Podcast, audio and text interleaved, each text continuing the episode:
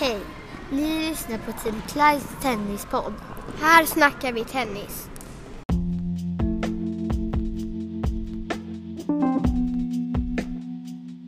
Idag har vi ett riktigt energirikt och härligt avsnitt av Tim Kleins tennispodd. Här snackar vi tennis. När Niklas Kron gästar mig och Gusten som är med även i det här avsnittet. För er som inte vet, Niklas Kron är född 5 februari 1966. Som spelare nådde han en högsta singelranking på 46 i världen och vann en singeltitel 1989 i Brisbane. Under karriären blev Niklas känd som skaparen av Vischt som framförallt han och Mats Wilander, men sedermera även Leighton Hewitt och flertalet av de svenska spelarna på touren har använt sig utav en form av segergest. Eh, efter poäng under matcherna när man vill visa sig lite extra taggad. Efter karriären har han varit med och startat upp en tennisakademi i Houston i USA där Niklas bor för tillfället. I det här avsnittet så berättas det anekdoter och stories till höger och vänster. Men vi pratar även bland annat om eh, Niklas mångsidiga idrottande eh, när han var yngre och varför han tror att tennis var fel sport för honom. Hur han tycker tävlandet för både juniorer och vuxna eh, bör se ut. Hur Wicht kom till. Hur han lockade supportrar till sin match på sidobanan i Australian Open. Varför han tror så många svenska spelare på hans tid blev framgångsrika och så berättar han när Roger Federer erbjöd eh, honom jobbet som coach åt sin fru Mirka. Ja, ni hör, ett riktigt härligt avsnitt och det här är ett dubbelavsnitt. Så ni kommer få lyssna på första halvan idag och andra halvan släpps, släpps eh, om, ja, sådär någon vecka. Vill ni eh, komma i kontakt med mig så går det bra att mejla på linus.se.eriksson.gmail.com Glöm inte besök www.teamklein.se Nu lyssnar vi på Niklas Kron och Magnus Gusten Gustafsson.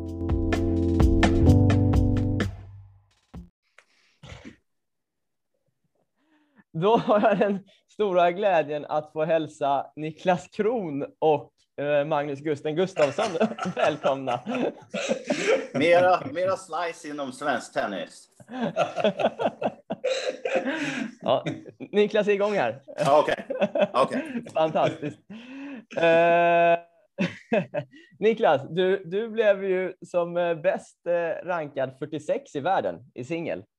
Hur blev du så bra på tennis? Ja du, det var väl mest tur tror jag. Nej, det tror jag inte.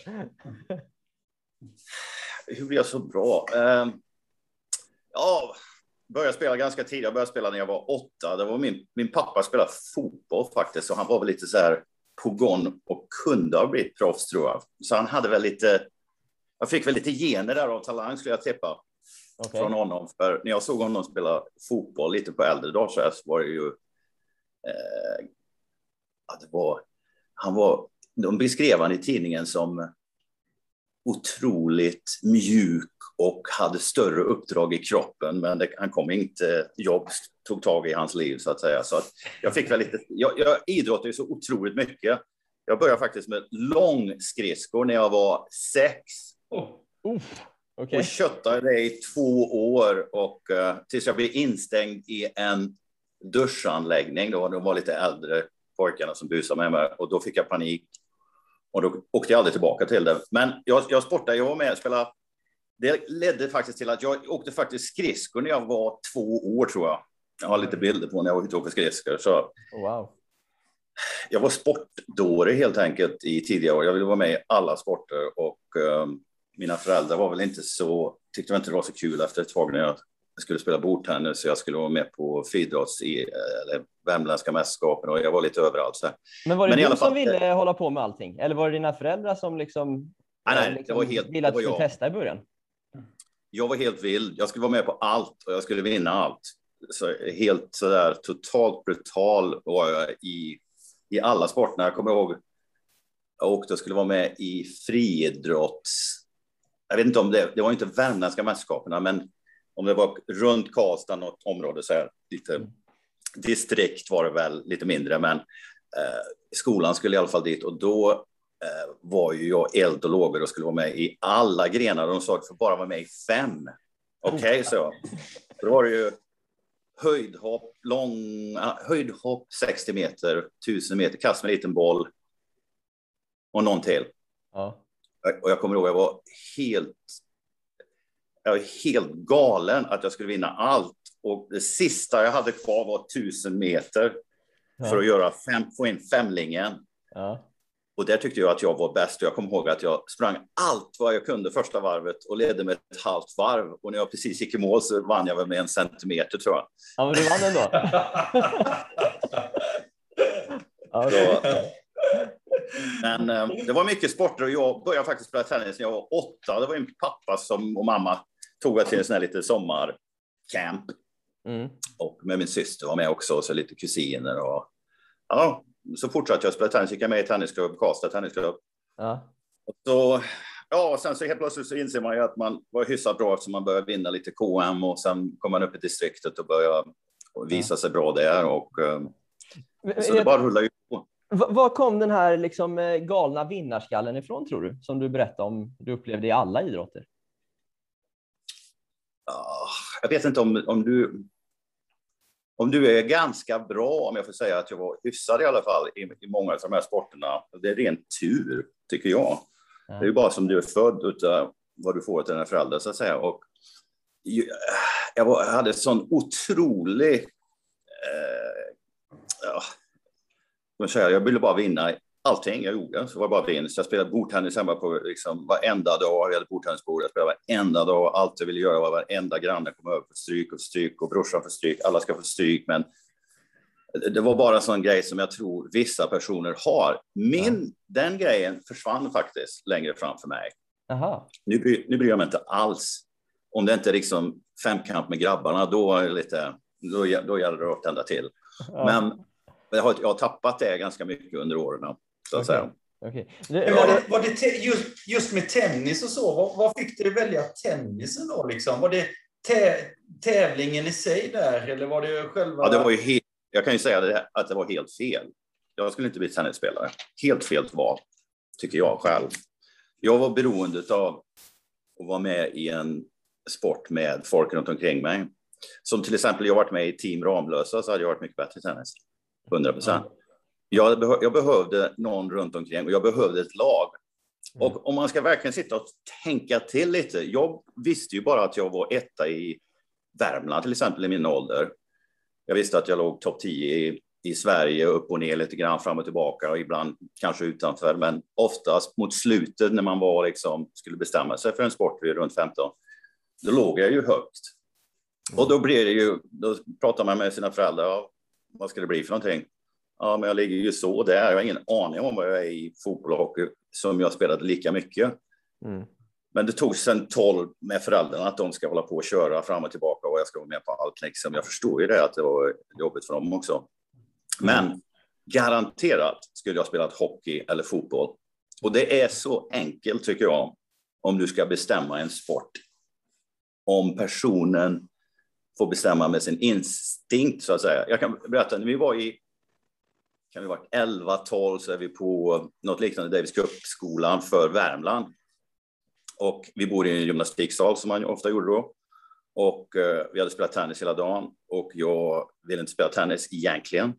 Men när vi kom till, eller till eh, gymnastiksalen så var det ju inomhusfotboll. Och då, fann, då kunde jag spela hela natten och jag väckte folk, om jag ihåg, mitt i natten när ledaren hade gått och sa nu tänder vi på ljusen och så kör vi fotboll, inomhusfotboll tills morgonen. Så, så för mig, om någon släppte en fotboll framför mig eller en puck, om jag nu var på is, så kunde jag köra tills, ja, det fanns inget slut för mig.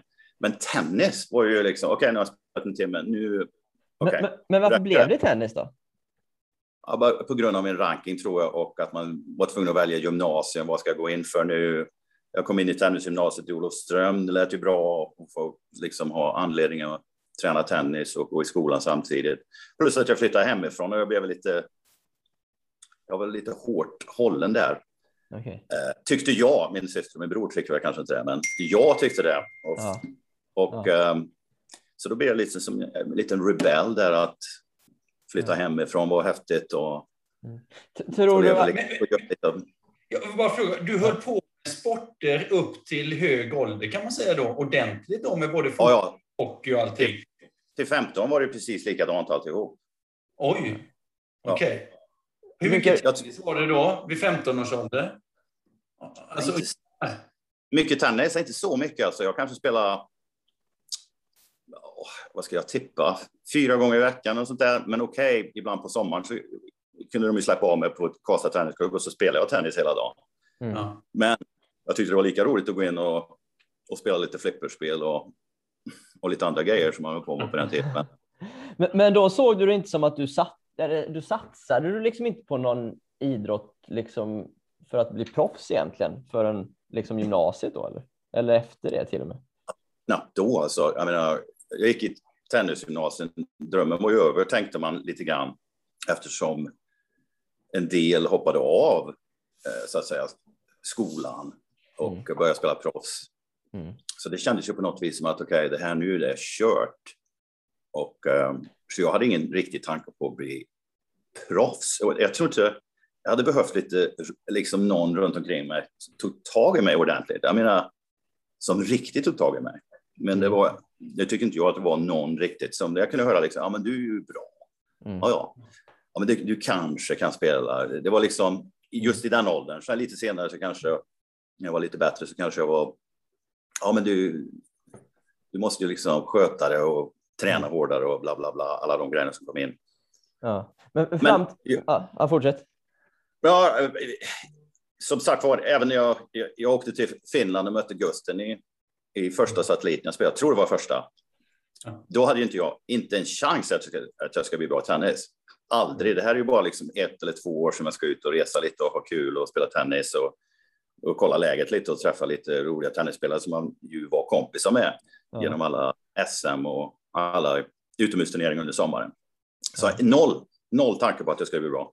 Det hjälpte ju i och för sig att se, jag, jag kan säga två exempel. Mötte Edberg, tror jag, sista gången. Då var vi, kan, jag vet inte om jag, detta stämmer, om jag var 18 och han var 18, om inte han var liksom hur bra som helst redan då. Men det känns som att jag var 18 i alla fall, liksom precis mot sluttampen, kanske 17 eller något liknande sista gången han spelade. Det är sån här Båstadtennis eller SM. Och då, då fick jag jag vann, jag vann ett set mot honom när jag var 16 och sen var det hårt i nästa match. Och innan det så var det ju liksom slakt från hans sida. Ett och ett och ett och ett och man var ju nöjd liksom. Ja, men det var ju Edberg, det spelar ju, det går inte att slå. Men sen kommer man ju lite närmare där så när han då går iväg och blir bra fort så tänker man ja, men det var ju nära det. Kan det vara omöjligt? Och sen tror jag att den största grejen som hände för mig var under Olofströmstiden då på tennisgymnasiet så åkte Wille Jansson upp till, som gick på tennisgymnasiet, och han upp och kvalade in i Stockholm Open. Och då blev man lite så här, va? Mm. Han kvalade in i Stockholm Open och spelade jämt mot någon, vad man nu mötte, jag kommer inte riktigt ihåg det, men det spelar inte så stor roll, bara att kvala in i Stockholm Open var ju omöjligt. Ja. Men nu visar han att det gick och jag tränar med honom ofta och liksom, ja, jag slog honom idag, han kvalade in i Stockholm Open. Nu är ju, lägg, lägg ihop de två, då måste man vara ganska nära. Ja, ja, ja, det är Så det, häftigt. är, väl- det är väl andras framgång som man, som man har på något vis då slukat till sig lite grann Ja. och tänkt Ja. att det inte är omöjligt. Skulle du säga att du, eh, när du sen började spela mer liksom, tennis, när du började på gymnasiet där då, eh, hade du nytta av de andra idrotterna som du hållit på med, tror du? När du sen lite mer fokuserade på just tennisen?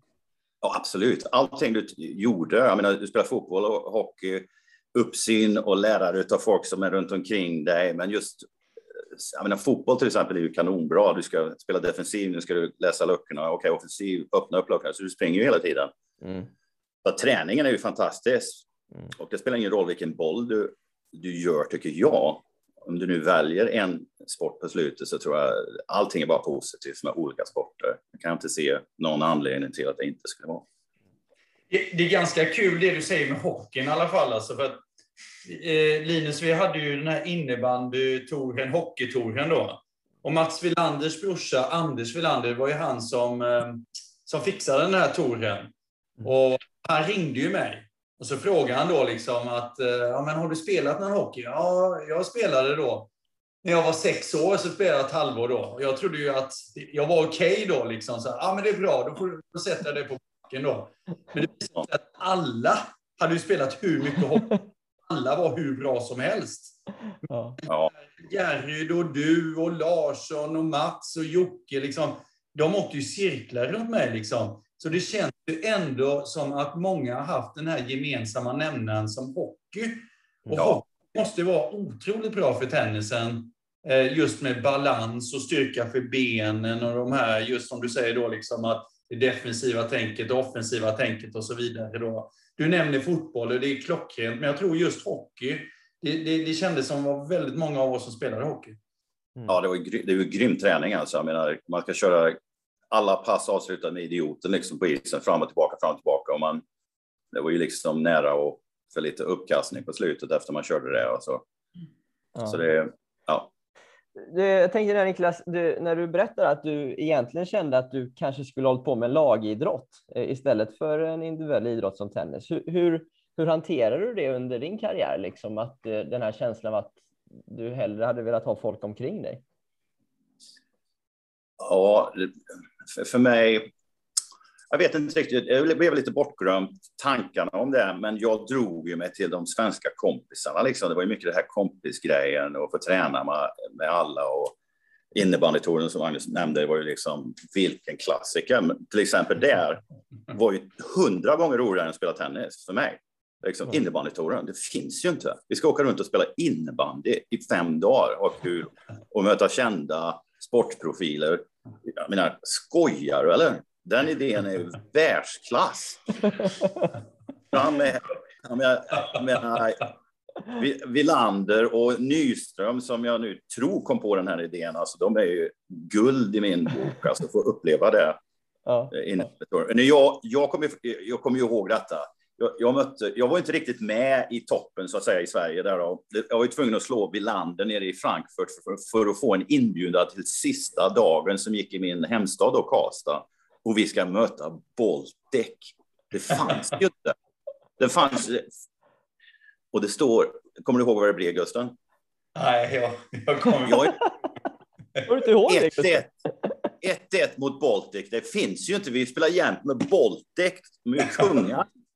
Och sen, och sen fick Kroondog avgöra 2-1 på hemmaplan mot Baltic. Den är mycket, tennisen här liksom, slå Baltic, det är mycket högre. ja, men det, det, det, det är som säger, det, om det är något man kommer ihåg från karriären så är det ju innebandy och hockeytouren. Det, fanns inget roligare alltså, med kompisar. Jag, jag känner som dig, jag, jag kanske också var med en lagspelare än den här individuella spelaren. Men i och med att vi var så många på touren hela tiden så kändes det som man var ett lag. Alltså. Men det, ja, det, det, som jag tycker är intressant också, det är liksom vad var och en från alla, alla oss tillförde. Men vi, kan komma, vi kommer in på vad du tillförde, det finns ju hur mycket som helst. Liksom. Men när jag tänker tillbaka på det, liksom Ken Karlsson till exempel, han var ju liksom en Duracell-kanin som bara sprutade energi till allihopa. Mats var tryggheten liksom och satte ramarna för gruppen eh, och så vidare. Så att alla hade ju sin betydelse också. Det är väldigt intressant. Utan ja. att någon liksom som säger liksom de här direktiven, utan det, det blev alltså på, på något sätt. Håller du med? Ja, det håller jag med om. Det håller säkert många andra sporter i Sverige, pingislandslaget som gick igenom ja. något liknande som oss. Så det, det, det, tror jag många håller med om faktiskt. För det, det blir ju all, jag menar, vilket land... Jag kommer ihåg att jag spelade Australian Open första gången.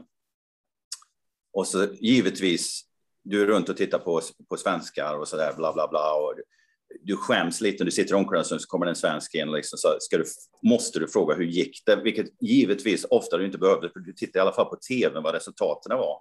Men du skämdes lite om du inte var där och inte visade vid, vid något tillfälle. Liksom, va? du, du har inte match och du var inte på banan. Liksom. Så det blev liksom självklart att gå, även fast det var så varmt, men och kika lite. Jag kommer ihåg när jag mötte Jonas Svensson i, i Australian Open på bana 30, längst bort. Du kan inte komma längre bort. Ja, och så kom jag dit och så är det den varmaste dagen genom tiderna. Nu har de, tror jag, slått den, det värmerekordet som var den dagen, men det gick ju inte att spela tennis, det var ju omöjligt. Och så sitter Villander där och väntar på popcornmatchen. Jag trodde inte det var. Han är, han är var tvåa i världen då. Då ska han titta på vår match i, i varmaste dagen som någonsin. Det är liksom, va? Det var ju liksom applåderad Mats med på läktaren liksom, kommer till en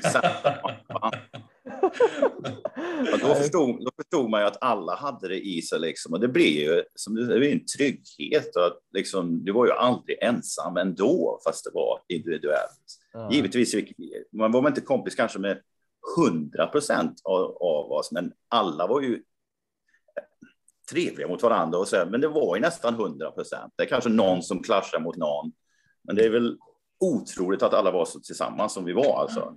Ja. Men, men, hur tror ni, eh, båda ni, liksom så här, eh, om vi tänker dagens svenska spelare när det inte finns så många ute på touren, utan det är lite mer, man är liksom ofta ensam på tävlingarna.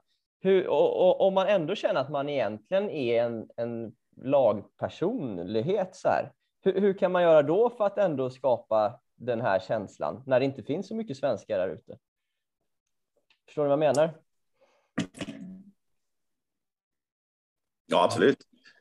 Jag vet inte om Gustav vill säga någonting, men, men givetvis kan du spela dubbel. Det är lite mer Just det. positivt att ha någon med dig. Men eh, det gäller väl och jag menar, om du kan skapa som, som Magnus som hade liksom team Ramlösa eller team Siab som det kom upp, liksom, sådana grejer hade ju varit bra för mig individuellt i alla fall. Kanske inte för alla, men på något vis känns ju det liksom, det hade ju varit min dröm det har kommit in i ett sånt läge om jag fick göra om det så att säga. Jag hade mm. behövt det. Jag menar, jag vet de få gångerna kanske eh, Gusten, jag kommer ihåg Gusten vi var i Monte Carlo och Tim Klein tog tag i, han var med alla svenskar kommer ihåg nere på beachen och tränade liksom och då tränade jag som en idiot för det var så kul för de andra var med. Men liksom om jag skulle ta tag i det själv så, här, så hade jag problem liksom. Det gör vi imorgon liksom. Det, det, det löser sig. Men, men jag hade ju behövt den. Det var inte så att inte jag liksom var träningsvill eller så. Det var bara det att jag var oorganiserad något fruktansvärt skulle jag vilja säga. Och ville väl ha kanske lite för kul och det innebar ju inte bara att vara uppe sent på nätterna kanske. Det var liksom allt ska vara kul. Det är fortfarande så faktiskt för mig. Ja, ja. Men, men... Jag kommer till det. det några, för, för, det var ju liksom när jag pratade med Linus om den här äh, podden då så sa jag liksom att Kron han måste vi ringa. Han har så jävla mycket idéer och det är så mycket roligt runt omkring. Och det var en av de personligheterna som, som gjorde liksom att jag tyckte det var så kul eh, på touren. Men jag, eh, om jag återkommer till vad du sa där Linus, eh, då, eh, hur man gör man är själv. Det beror väl på, alltså jag, jag kan ju inte riktigt hur svenskarna ligger, men jag, jag förstår att många ligger på future-nivå. Och här kanske det finns. Jag vet inte hur man sam... Alltså, på något sätt så borde man ju ha någon app eller någonting för alla där man säger liksom, nu åker jag dit och dit, nu åker jag dit och dit. Så man ser liksom vart de andra åker. Så kanske det är, men det, det vet ju inte jag om eh, i så fall. Och eh, nu när vi är client players och några av dem kanske kommer att testa att spela futures och så vidare, så hade, ju, så hade det varit fantastiskt då liksom att veta de andra i Sverige ska åka till då. Och att man inte är rädd liksom, jag vill inte vara med där för då kanske jag får möta en annan svensk. Ja, men så blir det väl ett par gånger. Men mm. det kompenserar ju allt det här man har runt omkring och enklare med träningsmöjligheter och harmonin både på och utanför banan och så vidare. Det är ju det som är det är det som gör att man spelar bra och långsiktigt mm. så tror jag att det ger resultat. Men vet du det Linus, Finns det någonting här i Sverige där man har någonting där man samlar, där man vet, jaha, nu åker han dit och nu åker hon dit. Vet man om det? Nej, det finns ju inget organiserat liksom, system för det, utan det är ju mer om man snackar ihop sig. Eh, min känsla är ju att killarna är lite bättre på det i Sverige. Eh, för tjejerna tror jag inte det är någonting alls, eh, att de synkar liksom resor och så vidare. Men jag tror killarna är lite mer att de ändå pratar med varandra och åker iväg fyra stycken kanske. Men det finns ingen, inget, inget system eller ingen app eller så som du pratar om. Nej, inte vad jag vet. Varför? Har det pratats om det överhuvudtaget eller? Eh, nej, det är inte, inte vad jag känner till. Eh, men det... det är otroligt egentligen. Det är ju ja. världens lättaste egentligen att skapa någon sån ju. Ja, där man pratar ihop sig. Men det är väl just där. Jag, jag tror ju. Eh, jag tror ju det är en liten, vad ska man säga, inte inte prestigesak, men att man vill inte. Man vill inte avslöja för mycket om sitt upplägg och vart man ska. Jag vet inte om det är rädsla för att förlora mot, som du sa, mot dem eh, från samma land och så här. Eh, men nej, det är kanske, det är kanske någonting man. Vad har man att förlora? Det, är- det är väl, för min, alltså, det låter ju mer som man är strykrädd mot svenskar i så fall. Eller? Ja, i så fall är det ju så. Ja. Men, men samtidigt tror jag inte. äh, Jag, jag tror de är ganska vana vid, alltså det vet ju ni på en viss nivå. Det är klart man möter varandra ibland så här. Eh, så jag tror ju det, det kanske egentligen är lite mer juniorgrej så. Men nej, jag vet inte varför det inte finns faktiskt. För det var ju en anledning att vi blev så bra. Definitivt helt hundra på det. Mm. Ja, totalt. vi samarbetade, vi tränade med varandra.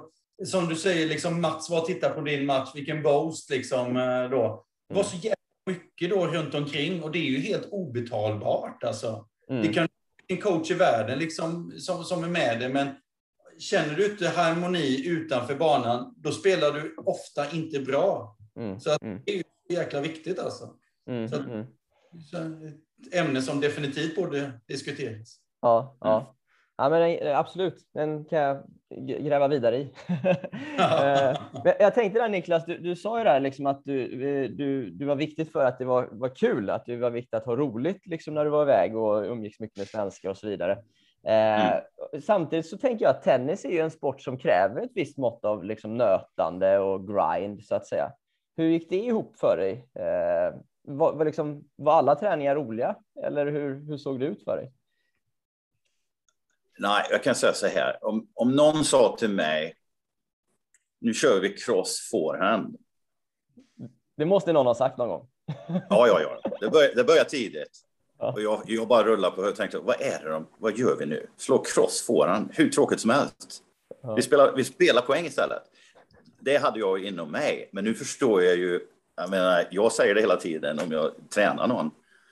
Men jag brukar göra lite twist på det så det blir lite kul. Eh, och så lite, vad är anledningen? Liksom, för jag hade, varit lite rebell där. Vad är, vad är det för bra för det här? Liksom? Bara stå och slå forehand? Vadå? Kommer jag aldrig missa. Helt meningslöst. Men sen får man ju tänka lite, nu när man blivit lite äldre så förstår man ju det lite bättre, måste jag ju säga. Men det var ju det som låg inom mig. Att det, det var tvungen att vara kul liksom. Och det innebar att jag ska slå den andra, spela poäng. Mm.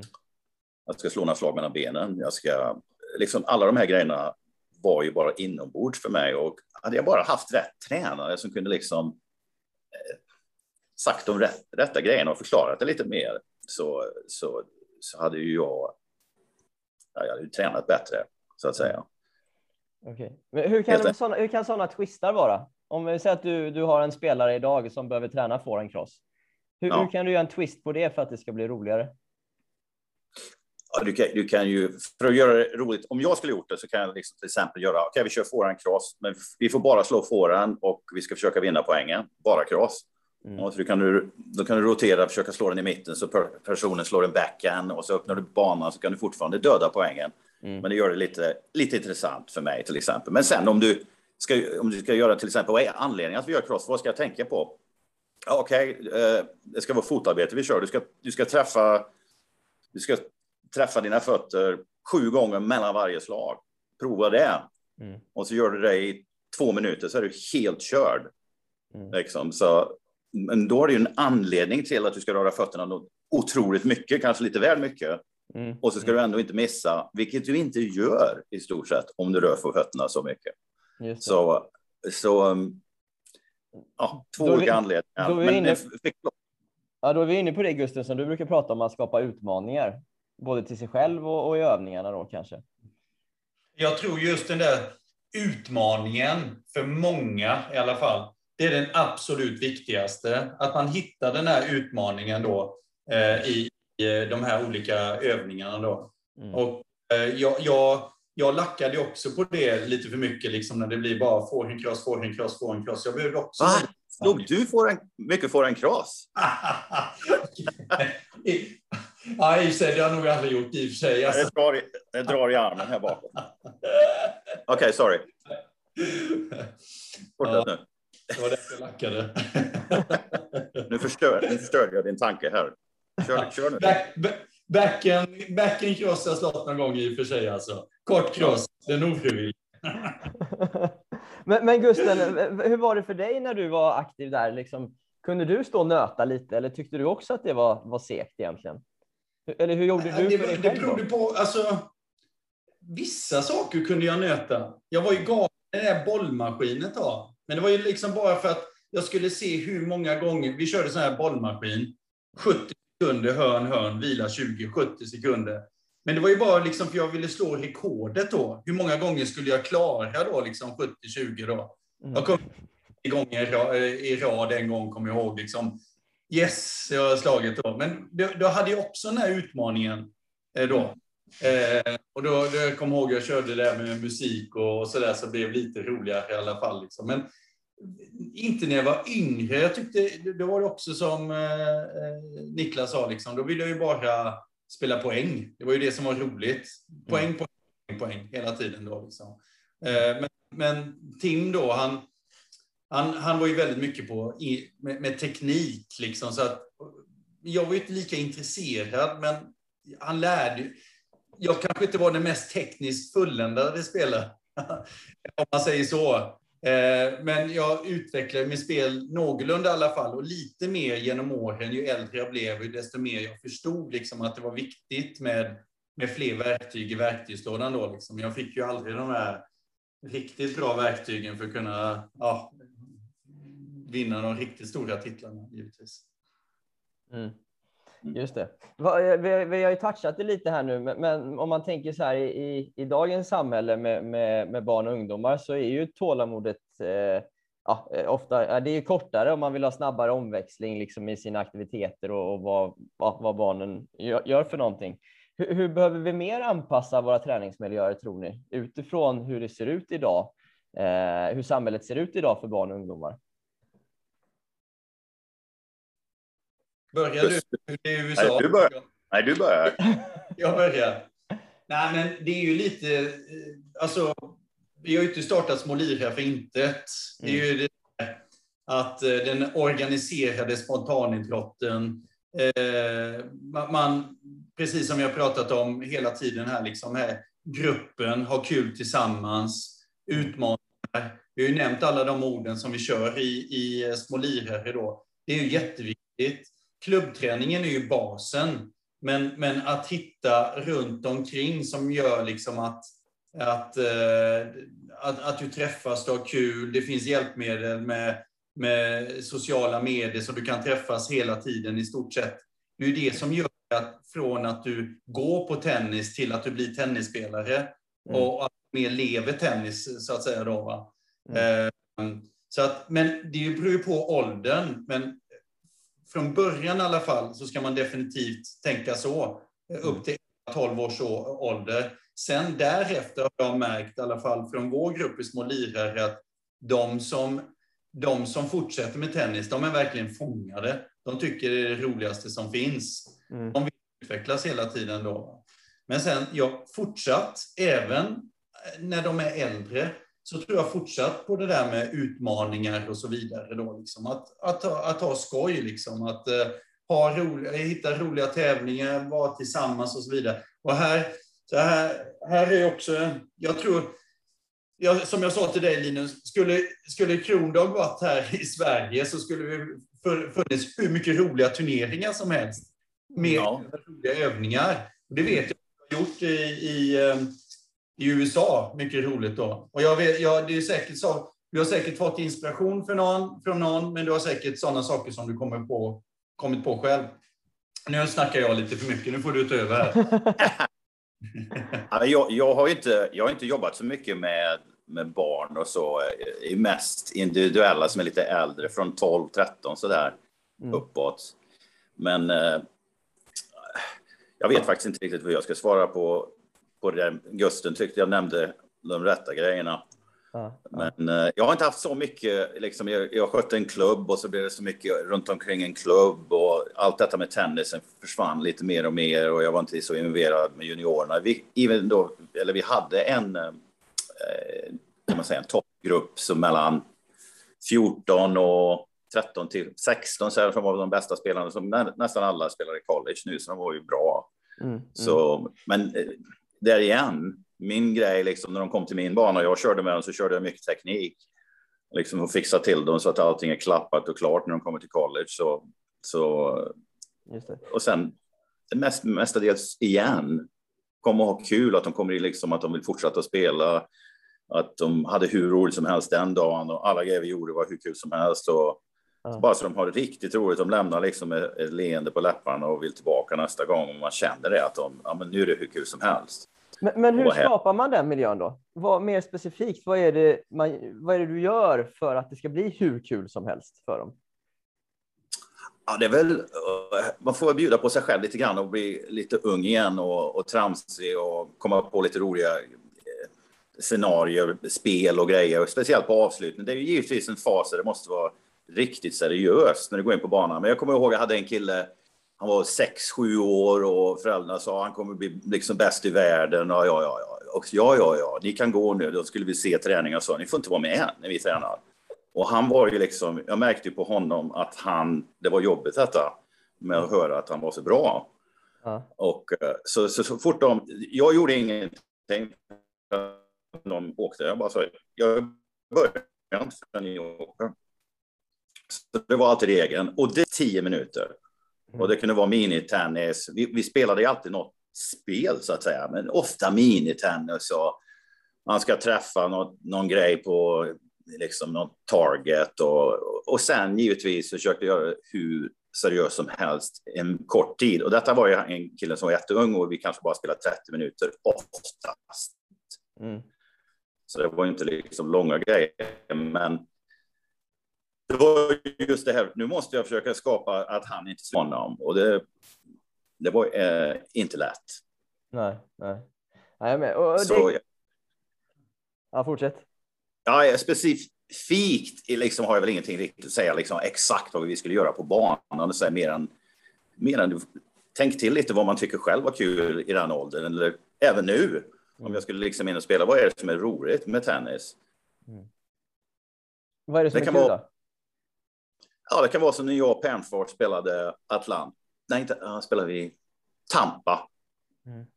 Slog inte en tennisboll innan en enda match. Vi spelade bara fotbollstennis. Alla andra spelare trodde vi var helt tokiga. Vi kommer in och spelar fotbollstennis i 30 minuter och så gick vi.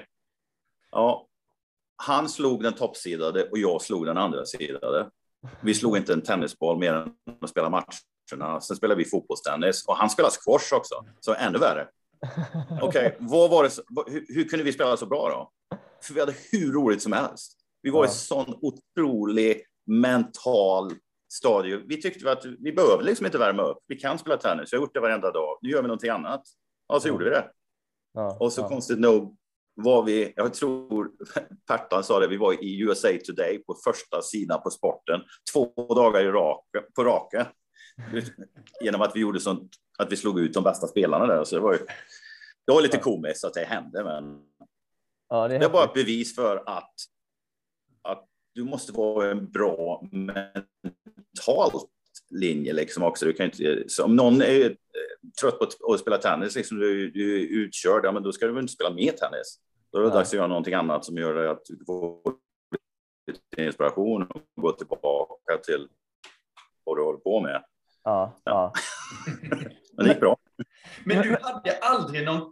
Vem var... Alltså när du var ute och, och spelade, vem var din coach? Om man säger.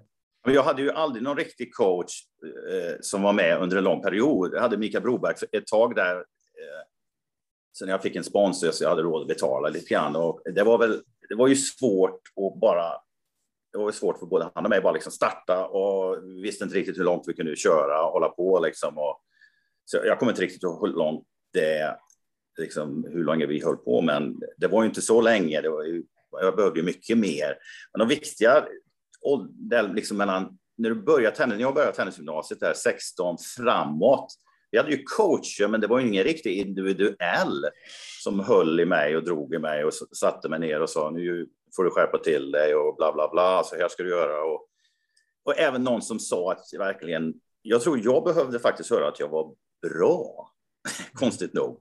Och det ligger faktiskt tror jag, i hur jag var uppväxt med mina liksom, föräldrar. Jag hörde liksom aldrig det där riktigt. I alla fall har jag inget mentalt minne av att de sa, ja men du är ju hur bra som helst i bla bla bla, vad det nu var. Eller det här var otroligt. Givetvis om man vann en DM någonting så var det gratulationer och så, det var ju bra spelat. Och, men jag kände ju aldrig riktigt att jag är riktigt bra. Min, min story där är ju helt lite små otrolig faktiskt, om jag kan berätta den lite knappt, snabbt. När jag spelade, jag lånade pengar av min pappa och i början var väl finska satelliten som vi, vi båda spelade, du och jag. Och eh, sen så, kan det ha varit ett, två år senare, då sa min pappa till mig, jag kan inte låna dig mer pengar nu, så nu är det sista turneringen du åker på. Det är slut sen. Då åkte jag till Firth, en Challenger. Och jag hade inte, liksom, jag visste att det var sista turneringen och jag spelade kvalet. Och spelade första matchen i kvalet och vinner den lätt. Då kommer det fram en person till mig och säger så här i typ helt galet tyckte jag. Du, du kommer vinna turneringen. Du är bättre än alla. Ingen har en chans mot dig. Och jag bara sa, ja, ja, ja, jag vann en match. Jag har, jag har, faktiskt inte, jag tror jag har spelat en Challenger än så länge i mitt liv. Liksom. Det skulle vara kul att kvala in först liksom, och få vara med. Nej, du vinner lätt. Och så såg han det på andra matchen också. Och jag tänkte, han är ju helt galen den där mannen. Liksom. Ja, det var som jag sa, du, kommer, du vinner turneringen och han fortsatte. Och sen var han runt om mig hela tiden och jag tyckte han var jobbig, men på samma vis så var det så skönt att ha någon som sa att jag var bra där i det läget. Och jag visste att det var sista turneringen, så jag hade ju enormt tryck på mig egentligen, för det var slut. Det är faktum faktiskt. Ja, och eh, så kvalar jag in, bla bla bla, och då ska jag möta Menno Oosting, som nu kommer du ihåg Östen. Och han hade slått mig med 6161 i typ en eh, satellit bara månad innan eller något, kanske för turneringen innan. Det var inte långt och jag sitter med den här mannen då och han säger, du slår honom lätt, han är inte i närheten av dig. Ja, men jag sa, jag fick två game sist. Ja, men han ska vara nöjd om han får två game. Och jag bara, Va? vad pratar han om den här killen? Ja, han är runt omkring mig och så vinner jag hela turneringen. och liksom, då insåg jag, och han, han matade mig bara med information om att jag var bra. Så till slut det är ju allt jag hör. Liksom, ja, du är bra, så vinner du lite matcher. Och, så, och det var det jag sa. Och just det, han har rätt på något vis, den här gubben. Och så betalar jag igen alla mina pengar till min pappa. Ja, tänkte jag, nu kan jag spela tre, fyra månader till, kanske lite mer om jag är lite snål. Och då, fick, då säger han att till mig att jag ska spela Frankfurt och han ska fixa wildcard i huvudturneringen. Och jag bara, ja, ja, ja, ja. Den här killen snackar mycket trams alltså. Ja, då säger han, ah, eh, wildcarden är redan borta. Det är Villander och, och någon liksom till då, topp. Villander var väl trea i världen och någon som var topp 20. Liksom. Ja, ja. Jag bara skrattar. Jag visste ju att ja, men jag, jag har inte anmält mig till den här turneringen så vi tar nästa turnering då. Ja, men jag fixar wildcard i kvalet, sa han då. Va? Jaha, okej. Okay. Jag, kunde ju, jag hade ju varit med i kvalet om jag hade anmält mig, men okej, okay, han fixade wildcardet som han sa. Och i kvalet eh, mötte jag Saciano i kvalfinal, kommer jag ihåg, och det sitter Günther Bosch liksom i det här, på den här sidbanan, då, precis inte i honom. Liksom. Och det är ju liksom, va? Boris Beckers för detta coach, hans nya spelare. Men på något vis har den här killen pratat med, hade inte han varit där så hade jag fått stryk av Saciano. Men han sa, Saciano har inte en chans mot dig. Det var liksom allt jag hört. Ja, ja, så vinner jag den matchen och då kvalar jag in. Jag är ju helt i esse då och får spela Frankfurt. Det är ju helt otroligt liksom att vinna. Och då kommer jag ihåg, då försvann allt precis där. Jag ska möta Matt Anger i första läget topp 50. Ja, men det är ju ingenting, tyckte jag helt plötsligt. Ja. Och liksom, va? Då helt plötsligt bara ändras allt i huvudet. Det var då som jag slog Mats efteråt och liksom allt bara gick. Det gick ju så fort så att eh, jag fattade inte riktigt, men på något vis, det han sa behövde jag kanske även lite tidigare givetvis, men, men då blev det ju lite blodantan att uh, det faktiskt gick. Och då gick allt så fort och sen led, gav det, så kom jag med i innebandytouren, det var ju det viktigaste. ja, härlig story alltså. Ja, men ofta får ju de flesta får ju höra att de är för bra för tidigt och föräldrarna liksom slutar prata om det här. Det är så mycket press på dem och då tappar du intresse och det leder ju inte någon vart. Det är väldigt få tror jag som klarar den pressen som du, om du säger att du är så bra och det kommer att bli bra. Det är väl några som kanske klarar det, men det, för mig var det tvärtom så att säga. Mm. Jag skulle behövt höra lite mer för att tro på mig själv och det var att jag har dåligt självförtroende som, som låg i grunden till allt, i alla lägen, dåligt självförtroende. Mm. Hur funkar det där för dig I Gustav? livet alltså, inte, bara, inte på tennisbanan så mycket, utan mer i livet. Dåligt självförtroende, i skolan, så här, dåligt självförtroende, nej, jag är liksom, nej, dåligt självförtroende, dåligt självförtroende. Och det är lite med uppväxtheten, tror jag, lite, lite hårt, liksom, tyckte jag. Ja. Och jag kanske har fel där, men liksom att man inte fick göra så mycket och det var alltid liksom, du ska göra så här, du ska vara hemma nu och du får inte gå ut och Mm. Ja, på något vis så har det alltid legat där Ja. med självförtroendet. Hur fungerar det för dig Gusten? Behövde du någon som också lyfte upp dig ordentligt så att säga? Eh, mina föräldrar de, de gav mig väldigt mycket självkänsla i alla fall. Alltså. Mm. Eh, det, det, var, det var just som var viktigt då, som jag inte förstod då. Liksom, det var inte resultatfixerat och så. Liksom. Min mamma, liksom, hon, hon, ehm, hon, hon tyckte bara ah, ah, ut och lek och ha kul. Och jag tror jag har sagt den story många gånger, men alltså, typexemplet var ju det när jag spelade Stockholm Open och spelade final där. Eh, och det var ju det största som hände mig då fram till, till det datumet. Och jag var så jävla nervös. Liksom. Ut i Globen, det är nedsläckt. Jag möter Lendl, världsettan, 17 000 åskådare, fullsatt. Jag kom in, strålkastare, jag blev ännu mer nervös. Liksom. Bara på mig och allting. Jag ville nästan bara försvinna. Sen tände de upp. Och jag vet att mamma sitter där eh, uppe på läktaren. Då, då sitter hon och stickar en tröja. Då, liksom. Och det är liksom det där, ja men ut och skoj liksom. Eh, och så. Men Ja. Däremot så hade ju Tim, han hade ju ett självförtroende som inte fanns. Alltså. Det spelade ju ingen roll vem vi skulle möta. Skulle vi möta världsettan eller skulle vi möta världstian, bara vi spelar rätt så kommer ni vinna. Då. Mm. Eh, och det, det gav mig väldigt mycket självförtroende mot de här bästa. För innerst inne så trodde man ju, fasen ska jag möta någon som är topp fem i världen, då kan man ju inte vinna. Men Tim la in det i skallen på oss, liksom, så att vi, precis som du berättade Niklas, liksom, nå, någon som bankar in det i skallen. Ja, men spelar du rätt så slår du dem då, helt enkelt. Så om Tim skulle sagt det där efter karriären att nej, nu sadlar vi om så ska vi bli golfproffs. Jag hade ju trott honom alltså. För det var, var det liksom den här, det här självförtroendet som han utstrålade då, liksom som, som, eh, ja, som smittade av sig liksom till, till oss då. Alltså. Mm. Ja, eh, Gusten, du kom in på det lite här tidigare, men men jag tänkte följa upp det med, med Niklas där, med tävlingsformer. Eh, hur, vad har du för idéer hur man ska hitta kul tävlingsformer för, för ju- framförallt juniorer kanske då, men även upp i åldrarna? Vad gick du igång på? Jag är det. Ja, precis. Ja, liksom när det gäller tävlingsformer som, som Gusten kom in på lite grann. Eh, Ja, om man, om man kommer ihåg liksom när man var liten, till exempel den här, här är en klassiker. Nu. Här var en riktigt bra turnering. Ja. just det. Fyller 50 år om några dagar. Ja, Oj, oj, jag, oj. kan- det, jag tror det var första året jag spelade. Kan ha varit den. Kalanka, Kalanka Cup. Ja, men liksom det, det, eh, om du går in på det tyckte jag var skitkul att man fick, man kan- fick representera Värmland och så fick du lagkänslan där igen. Då kom ju det in givetvis. Att alla vi fick åka ner och vara liksom ett lag fast vi höll ihop så att säga där. Och det, så det, det tyckte jag var jätteroligt när jag var yngre så kom ner till Båstad. Sen var det ju givetvis Kalanka och alla fyrverkerier och grejer och alla lekar nere på Centercourt. Det var ju en otrolig vecka. Mm. Sen eh, olika upplägg för, jag menar, för att få en rolig turnering. Jag kommer ihåg, jag tyckte det var kul när vi, vi spelade här, jag kommer inte riktigt ihåg vad den heter, FFV, det var en sån här inbjudning, åtta spelare och så spelade vi två grupper. Gustav var med tror jag, va? Var du med? Linköping.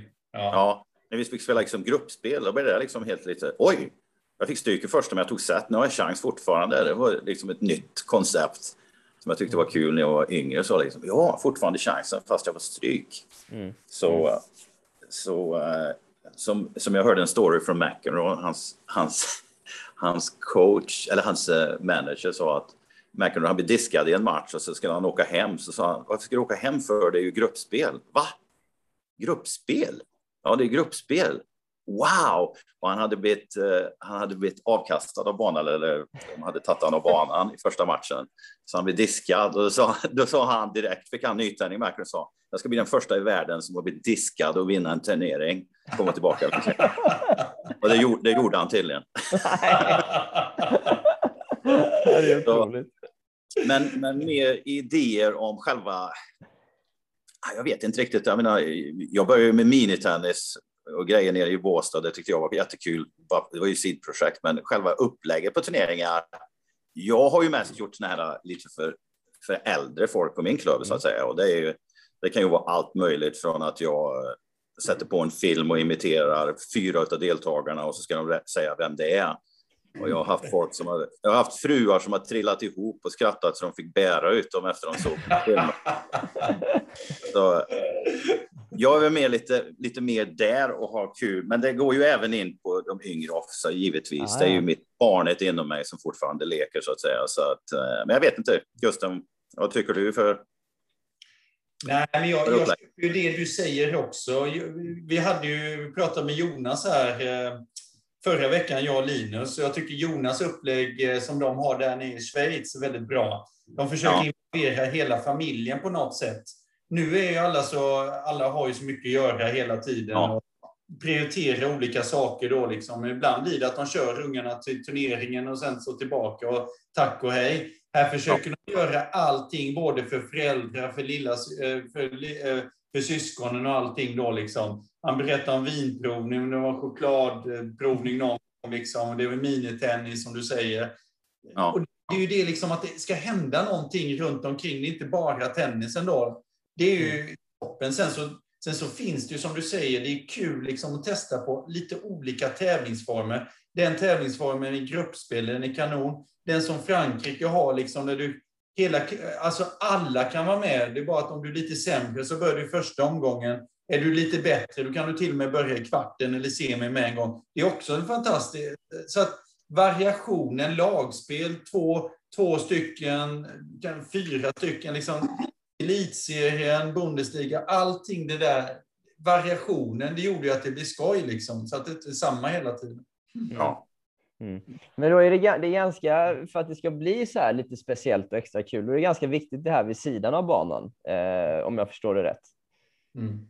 Ja, jag tycker det, liksom, för att jag tycker det blir lite för mycket ibland. För många är det liksom att nu ska jag spela en tävling, så körs de dit och så körs de hem. Framförallt i barn i yngre åldrar. Och vad, då har man ju inte varit där och tävlat ordentligt. Det är ju mm. liksom, man kommer dit, och super atmosfären, prata med andra, lära känna dem. Mm. Eh, efter matchen, liksom, har man fått en förlust, liksom, det, är, det, det, är tufft, liksom, men sen får man träffa kompisarna och sen så kommer man hem glad ändå efter turneringen. Mm. Det är ja. viktigt alltså, att, att få den känslan då, istället för att liksom sitta i bilen, åka dit, förlora matchen, sitta och, och åka hem igen. Alltså, den är ju fruktansvärd den känslan. Alltså. Sen är det ju det som vill åka hem direkt ändå, absolut. Alltså. Men jag känner ju det, jag, jag känner ju det som liten i alla fall. Det var ju, det var ju så roligt liksom, ja, runt omkring också. Jag vet inte om du har med det Niklas, men så upplevde ja, men jag, jag spelade ju Orange Bowl en gång. Jag var där med mina föräldrar på semester. Jag var inte riktigt uttagen från Sverige, men jag fick vara med i alla fall i 14-årsklassen spelade jag nog, tror jag. 14, jag vet inte om den finns, kanske 16. men i alla fall, jag, jag var där, jag, jag, var inte gammal, men jag spelade då. Och det var ju otroligt svårt. Det var första gången jag fick spela utomlands, här, så liksom spela där. Jag, jag var ju så blyg så att jag, jag vågade ju knappt komma till banan. Liksom. De fick ju dra mig dit och jag liksom stod bakom ett en byggnad när, de, när pappa sa liksom, du ska in och spela nu och så, och så helt plötsligt börjar vi spela och så visar de fingret. Jag tänkte, va? Eh, hatar de mig eller vad är det där liksom? Jaha, det var att bollen var ute liksom. Ha, fick man lära sig det? Jag har aldrig hört talas om. Ja, bla, bla, bla. Jag kanske vann någon match. Jag vet inte riktigt hur det gick, men jag fick stryk i alla fall. Och så nästa dag kom jag tillbaka dit, jag, jag och pappa, för då sa pappa, vi ska kolla på liksom jag tror Quickstein var, var väl den etta sidan. För det var ju många bra namn med i turneringen när man tittar på resultatet efteråt. Så det var ganska kul. Men i alla fall, vi kommer dit och så tittar vi, sitter vi där och tittar på någon match och så helt plötsligt kommer tävlingsledaren och sa, var var du i morse då? Ja, jag var på hotellet. Ja, men du skulle spela i morse. Nej, jag fick stryk igår, så jag. Du, du måste ha skrivit på fel. Jag fick stryk igår. Ja, ja, men det är ju liksom eh, backdraw. Liksom. Ah, okay. Backdraw? Vad är det för någonting? Ja, men det var tre timmar sedan du lämnade V och de ska precis in och spela nästa runda nu. Ja, men jag ska kolla med han den killen du mötte, säger han. Va? Ja, då kommer han tillbaka och säger att ja, killen, han, han förstod liksom att du inte vet om det här, så han är okej okay att spela matchen nu. Och så jag liksom, jaha. Och så, så fick jag ju tre, fyra, så gick det ju bra där. Då. Så jag så började få lite confidence, så jag, så jag vann ju några matcher där. Då. Men det var ju, det tyckte jag, backdraw liksom. Loser bracket. Och det är ju bra. Och det har de faktiskt tagit ett steg till med här nu i USA, att du är garanterad tre matcher. Så du får stryk, stryk, stryk. är ju kanske inte så kul. 0-3 kan du bli, men du får garanterat tre matcher, vilket jag tyckte var ganska roligt när jag gått och tittat på en del juniorer. Så här, liksom, ah, de fick stryk. Liksom. Man, ah, synd, du spelar, han kanske spelar dåligt eller hon spelar dåligt. Så här, liksom, bara du får en match till. Liksom. Ah, nu får de en match till. Och sen mm. så får de en chans till. Mm. Även kanske att... Men du, du är där länge och liksom, det känns som en riktig turnering, även fast de blir 0-3 kanske i matcher. Och kanske ja. vinner en. Så det, det tyckte jag var en bra grej, alltså faktiskt, mm. som de har infört här. Minst tre garanterat. Ja, det är alltid bra med matcher. Ja, det kanske är lite svårt om du spelar skummeslöv på några få banor och få in så mycket matcher, men eh, det är en bra idé faktiskt. Mm, mm. Eh, jag tänkte fråga dig Niklas. Eh,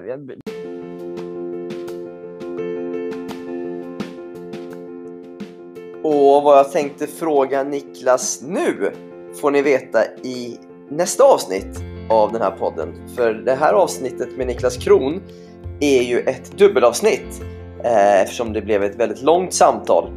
Eh, så vi kommer att släppa nästa del av det här samtalet om eh, ja, någon vecka eh, från att vi släppte det här första avsnittet. Så häng med då när Niklas Kron fortsätter med ytterligare ett gäng anekdoter eh, och ett antal fler intressanta samtalsämnen där även Gusten ger sin syn på, på saker och ting. Så häng med oss då! Eh, och har ni inte lyssnat på de tidigare avsnitten i den här serien så gå tillbaka i er podcast-app och se vilka andra gäster som har gästat oss hittills. Tills vidare, håll serven!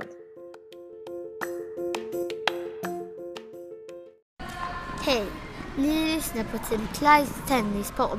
Här snackar vi tennis. Eh, jag tänkte fråga dig Niklas, eh, jag byter lite ämne här, men du vann ju en, en ATP-titel, 89 i Brisbane.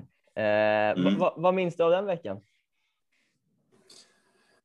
Hade jag inte haft det på film, att jag vann, så hade jag inte trott att det var sant. Plus att jag, jag kommer... Jag, jag, säger som, jag säger som Björn. It was a different life. It was, it, it was a different life.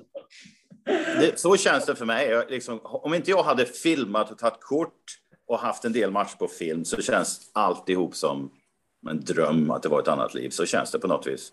Är det så? Och, ja, jag kommer bara ihåg, och här har vi en klassiker till. Jag ska spela då eh, Brisbane, Sydney och Tokyo. Och i Tokyo så ska jag träffa Björn Borg med SAS. För en av mina kompisar som heter Urban Geiwall hade fixat en, en stor SAS-spektakel eh, där med Borg, Bengtsson och ja, det var väl lite mer kändisar runt omkring från SAS och från Sverige och uh, givetvis presidenten från Japan var ju där, så det var en stor grej. Så jag visste att jag skulle göra detta. Och i den vevan så en bekant till min syster jobbade för Japan Airlines och liksom han säger till mig, jag ska försöka fixa sponsning åt dig, liksom en resa. Jaha, och han sa, det, är ganska, det blir nog svårt, tror han, för vi, bo, vi är ju svenskar och ja, Japan Airlines har aldrig sponsrat en, en atlet. Och liksom, ja, ja, lycka till med det då, liksom, vad, vad, ska jag göra? Liksom, behöver jag göra någonting? Ja. Så jag gick på möte då med lite japanska eh, som jobbar för eh, Japan Airlines då, i Stockholm. Ja, han fixar ju detta. Och jag var ju kung när jag kom fram till dem. Du vet hur de bugar liksom. Mr Kroon, Och jag liksom, va? Vet ni vem jag är? Jag ligger liksom 150 i världen. Jag, liksom, jag är ju noll. Och de bara, oh Mr Kroon, welcome to first class. Jag bara, va? First Jag var kung hela vägen ner. Ja, så nu kände jag mig, nu fick jag självförtroende på vägen ner. Och så går jag in på banan och tränar med Darren Cahill. Och krossar honom, kommer jag ihåg. Och jag bara skrattar och slår liksom winners överallt och så där. Men det var ju, fan, jag spelar bra idag. Eller är han som Gunnarsson, den här Cahill? Han var liksom, spelar inte så bra på, på träning. Tar det lite lugnt mot mig liksom. Och så tar han tag i mig när jag kliver av banan. Så säger han, Niklas, do you know how good you're playing? Och jag sa liksom, no, yeah, I play pretty good. No, it's insane how good you're playing. Hade inte han sagt det så hade jag aldrig vunnit turneringen. Här är en australisk spelare som spelar mot mig som jag kan möta, vilket jag också gjorde lite senare. Jag säger att jag liksom spelar hur bra som helst. Det kändes så konstigt och så jädra snällt av honom och liksom gör, säga det till mig. Så då, då hade jag earn confidence på något vis. Liksom. Ja, jag spelar hur bra som helst. Så liksom första omgången, andra omgången. Sådana matchbollar emot mig kvartsfinal. Liksom. Ja, men jag är ju kvarten. Det här är ju extas. Spelar väl ingen roll. Jag spelar helt, kommer jag ihåg, liksom spelar ingen roll. Nej. Så jag spelade som jag hade mer självförtroende än vad jag hade egentligen tills jag vann. Då fick jag ju otroligt självförtroende. Men, men jag kommer bara ihåg att han, liksom, Japan Airlines först och var, kände sig som lite kung. Och sen Darren Cahills kommentar. Den kommer jag ihåg stenklart, för den satt med mig hela tiden. Och så möter jag Darren Cahill tio dagar senare efter jag slått hela australiska Davis Cup-laget, vilket var ganska otroligt. Men jag var ju på en annan planet då när jag går in mot honom. Mm. Och det är i kvartsfinal, tror jag, nej, åttondelsfinal i Sydney då, den större turneringen. Och jag kommer ihåg, hade vi haft den här matchen på film så hade inte folk trott att det var sant. Jag dödade allt. Direkt på stöt. Jag, var liksom, jag hade som självförtroende. Jag kommer ihåg det var 6-0, 2-0. Då är det någonting här inne som bara kliver på, fram här och så börjar prata med mig och säga. Men du, det går inte att spela så här bra. Va? Vad är det nu som händer? Och liksom bort med dig då.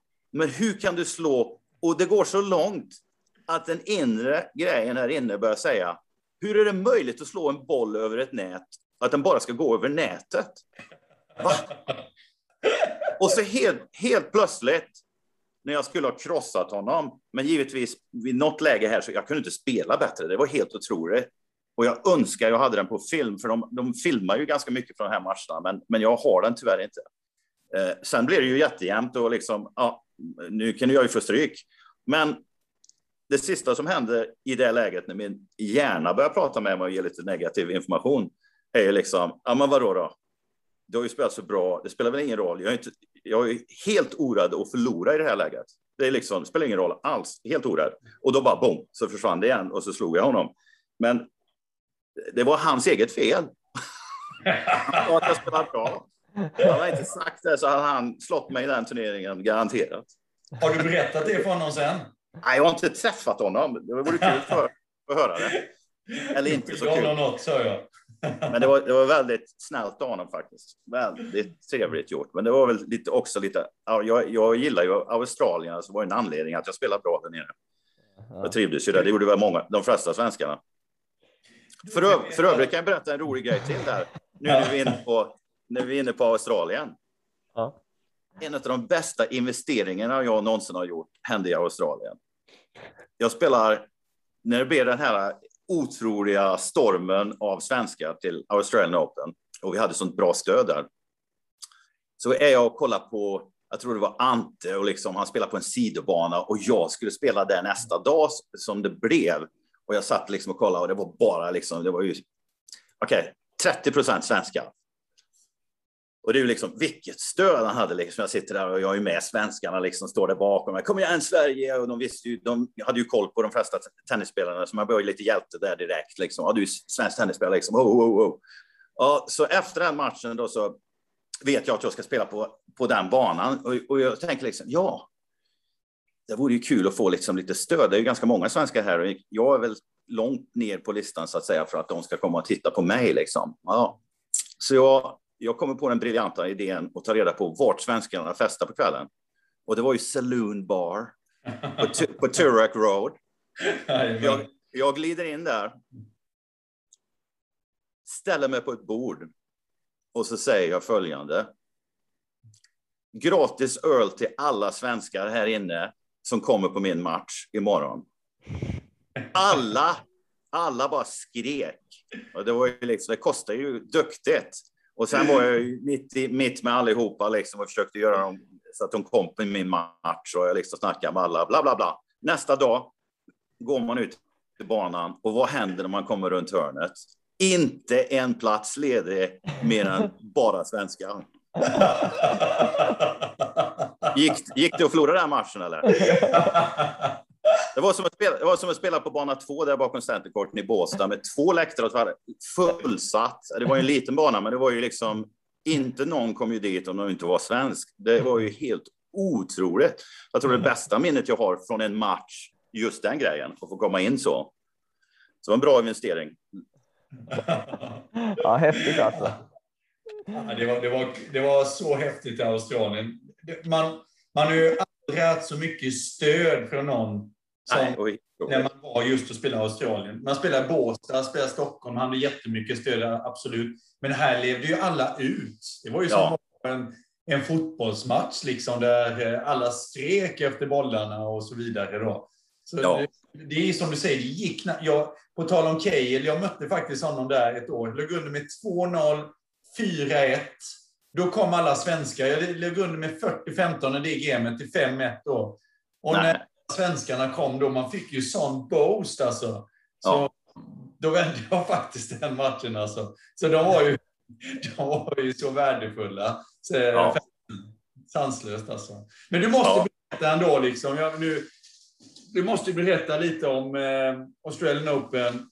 Jag- Jag, fick ju vara med lite när, när eh, Wish-tecknet eh, föddes. Eh, du- vi spelade dubbel då och du...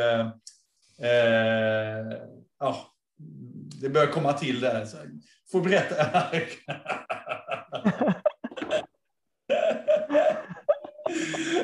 Ja, du får ta storyn med dig. Jag vet ju storyn givetvis hur det kom till. Och liksom, men, men liksom, hur kände du?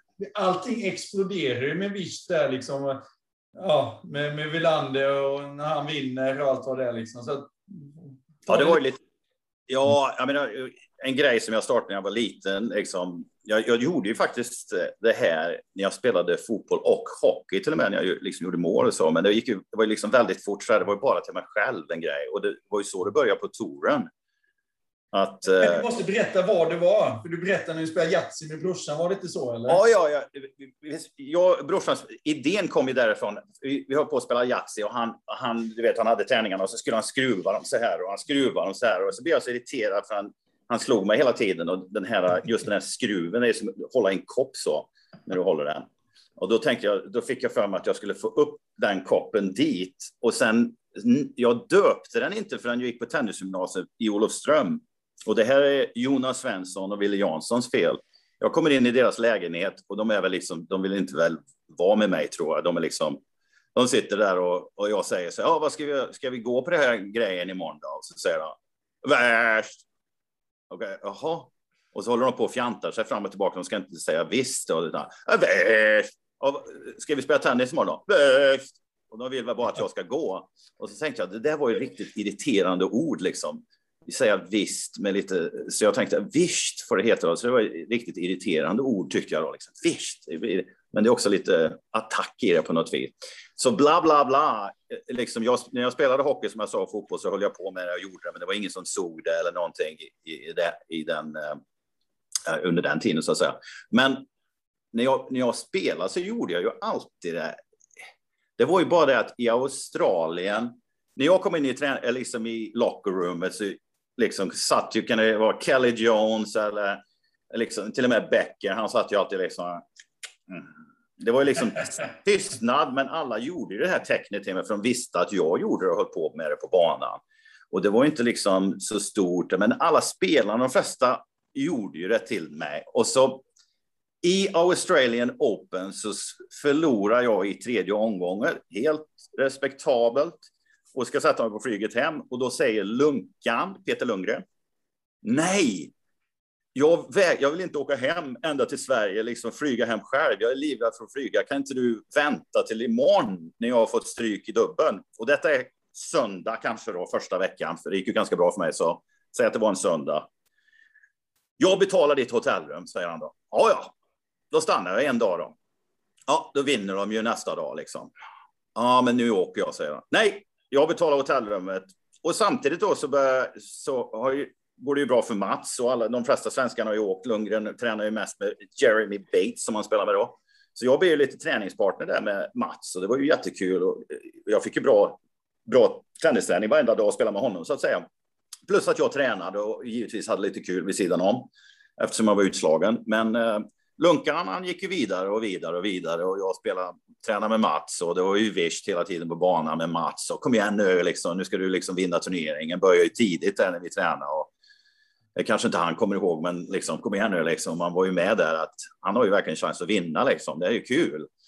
Och Lunkan gick ju till final, så det blev ju givetvis att stanna till finalen då. Men på semifinalen när Mats ska spela var det jättevarmt och jag efter vi hade tränat klart och så säger jag till Mats, Mats, nu är det dags om du inte gör det här tecknet till mig. Det var bara gör det till mig. Så vi visar liksom lite tacksamhet för träningen och så att vi har lite connection här under matchen liksom.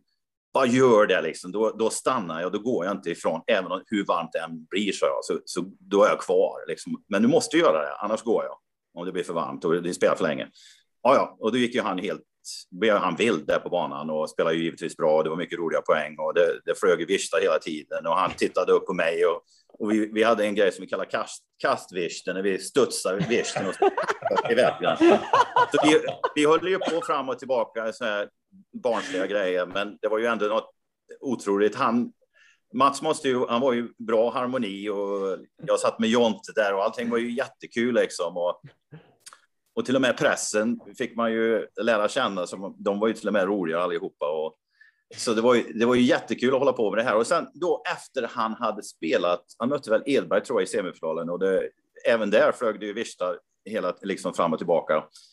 Och efter det så säger, kommer jag eh, till omklädningsrummet och Mats säger till mig, Niklas, du ska ha presskonferens. Va? Vad är det nu då? Ja, men de började fråga mig om Vish och vad det är för någonting. Då sa jag, jag vet inte. Det är min polare liksom, Niklas, han, han spelar också liksom. Så de vill att du ska ha presskonferens i Visht. Och jag, jag, det är ju så pinsamt så att liksom, klockorna stannar. Jag tänker det här är, det finns ju inte. Men jag smög ju in där då efter Mats hade varit där jag vet inte om Mats till och med kommer ihåg det här. Han trodde väl aldrig att jag skulle gå in där, men jag gick in där och stod. Jag vågade inte gå fram och sätta mig där spelarna så att det var ju hur pinsamt som helst för någonting som. Så jag, jag, jag började väl då dra lite i det liksom och säga ja, men det var en sån här personlig grej och spelarna.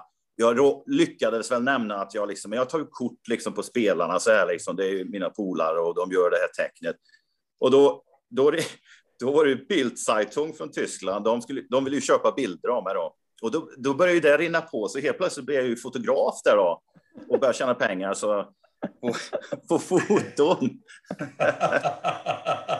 så, det, så jag hade sådana foton, då, många, många, många privata. En del, en del var ju lite, jag menar, de var ju riktigt goda de här fotona som jag fortfarande har i faktiskt. Men det var ju lite överallt. Jag vet Aftonbladet så jagade mig också, tror jag, om jag kommer ihåg rätt. Det var många tidningar i alla fall och lite då över hela världen så att säga.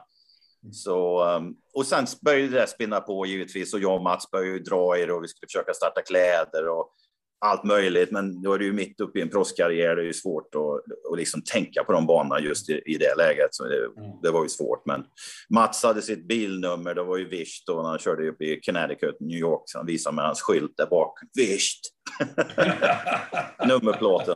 Men det, det, på något vis blev ju det lite att vi höll ihop och alla, givetvis blev det ju en svensk grej till slut, liksom att det är vi som kör det här. Och, det var ju bara en, en, en tramsig grej som blev något kul för oss i det läget. Och jag vet inte vad jag ska säga om det, men det var ju bara en tramsig grej riktigt. Ja, Det är väl många som tycker det är hur mesigt som helst kan jag tänka mig, men för oss var det ju kul. Ja, Istället för att kasta oss på marken eller upp med nävarna så var det bara något nytt. ja. Nej, det spred sig ju bra ju. Eh, häftig grej ju. Eh, även till min generation. Ja. En, en, av de, en av de roligaste grejerna som någonsin hände med, med det för mig var när jag kom in på en restaurang, bar kan man säga det var. Restaurang, men vi skulle in och käka i Sandared. Detta var ju hur många år som helst efter detta hände. Och vi kommer in där och då säger de, ah, det är kö liksom för mat, ni får vänta i 20 minuter. Ja, ja. Och så liksom hela laget är med där och så säger de, ah, kolla där, det finns, vi kan spela eh, liksom blackjack där borta. Ja, ja, vi går och spelar blackjack och dödar lite tid. Och det är ju trångt vid bordet då. Det sitter en kille, siste man då, givetvis den farliga positionen för bordet. Och han är ju inte nykter alltså. Det är ju, jag, jag skrattar ju. Vet du. Han, han, tog, han har liksom 19 och så sa han, ja, kort, kort, skriker han. Och alla är ju vansinniga på honom då, men det är lite småroligt. För han är, han är rolig fast han är ju väldigt för full. Men det var liksom inte, han var inte den där som du blir riktigt irriterad på. Det var så roligt när han tog kort. Och ibland spelar ju jag där och hela laget och så tog han kort och man bara, nej, vad är det frågan om? Han förstör ju hela bordet. Och så helt plötsligt när vi har hållit på i 15 minuter och alla är irriterade på den här killen, så kommer klassikern. Han får 21 och bara kastar sig upp och skriker Vitt! Och vi alla bara, bara va? Jag? Och jag står ju jag står långt bak, liksom, kommer knappt fram till bordet. Han har ju ingen koll på att om han nu skulle, visste vem jag var. Det, det, var ju, det var ju stenklart att han inte visste. Men att vi skrattar ju liksom, vi kunde knappt, ja, jag trodde ju inte det var sant liksom. Nej, vad roligt. Alltså. En sån där grej som händer som är rolig när du är där, kanske inte så rolig när man berättar den, men Ja, och Ja, fantastiskt. men var, det, var det inte till och med den här svenska tennisserien? De körde väl Wish-tecknet också det är för, för länge, länge sedan. Alltså, som, eh, jag kommer inte ihåg vad den heter. när- Ja, oh, ja, du, menar, du menar Smash eller? Smash, ja. Ja, ja, ja. de Den också. Ja de körde ju swisht, swisht. Ja, Swish körde de ju. Ja. Swish. De, tyck, de, de tyckte säkert att vi var lite mesiga där med det där. Det var, Ja, det var bra, bra material för dem alltså. Och, och ge oss lite skit för något så, som kanske är lite halvmesigt. Ja. Men jag vill ändå fråga Niklas, här, vad, vad, vad tänkte du när, eh, när Leighton Hewitt började köra det sen? Du, allt det där blev ju på något konstigt vis uh, uppblåst lite grann. I, för mig, jag tyckte det var kul. Mm. Vem som helst gjorde det liksom. Jag ser dem ibland Trojki och ibland till och med Djokovic har gjort det. Och det, det, liksom, det händer ju lite då. Det, nej, nej, det är inga hard feeling överhuvudtaget. Allt det som skrevs lite grann i pressen. En lång story hur det blev. För, för när med Hewitt var här och spelade master så, så gjorde jag och en annan kille en sån här tjuvintervju med honom. Med, med alla spelarna. Vi fick göra en intervju, men det var liksom, vi försökte göra tv-program, long story, och vi gjorde mycket avsnitt och grejer. Och, vi, och jag hade ju lite tillgång, kände ju de flesta spelarna, dock inte Hewitt.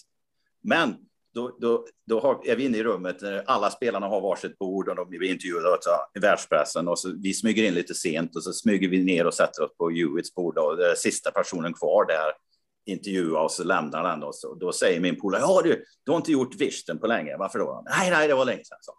Ja, ja, så frågar jag lite, ja, vem, vem var det som startade här då? Liksom, visst, var, var kom det ifrån? Ja, det var Mats Wilander som startade Så Jaha, nej, säger min polare då, du har du fel. Eh, personen som startade sitter vid ditt bord. Och så, så han tittar på mig då. Nej, vad, vadå då? Och då frågade vi honom liksom, hur kom det sig att, att han gjorde liksom visten och liksom hade sett det?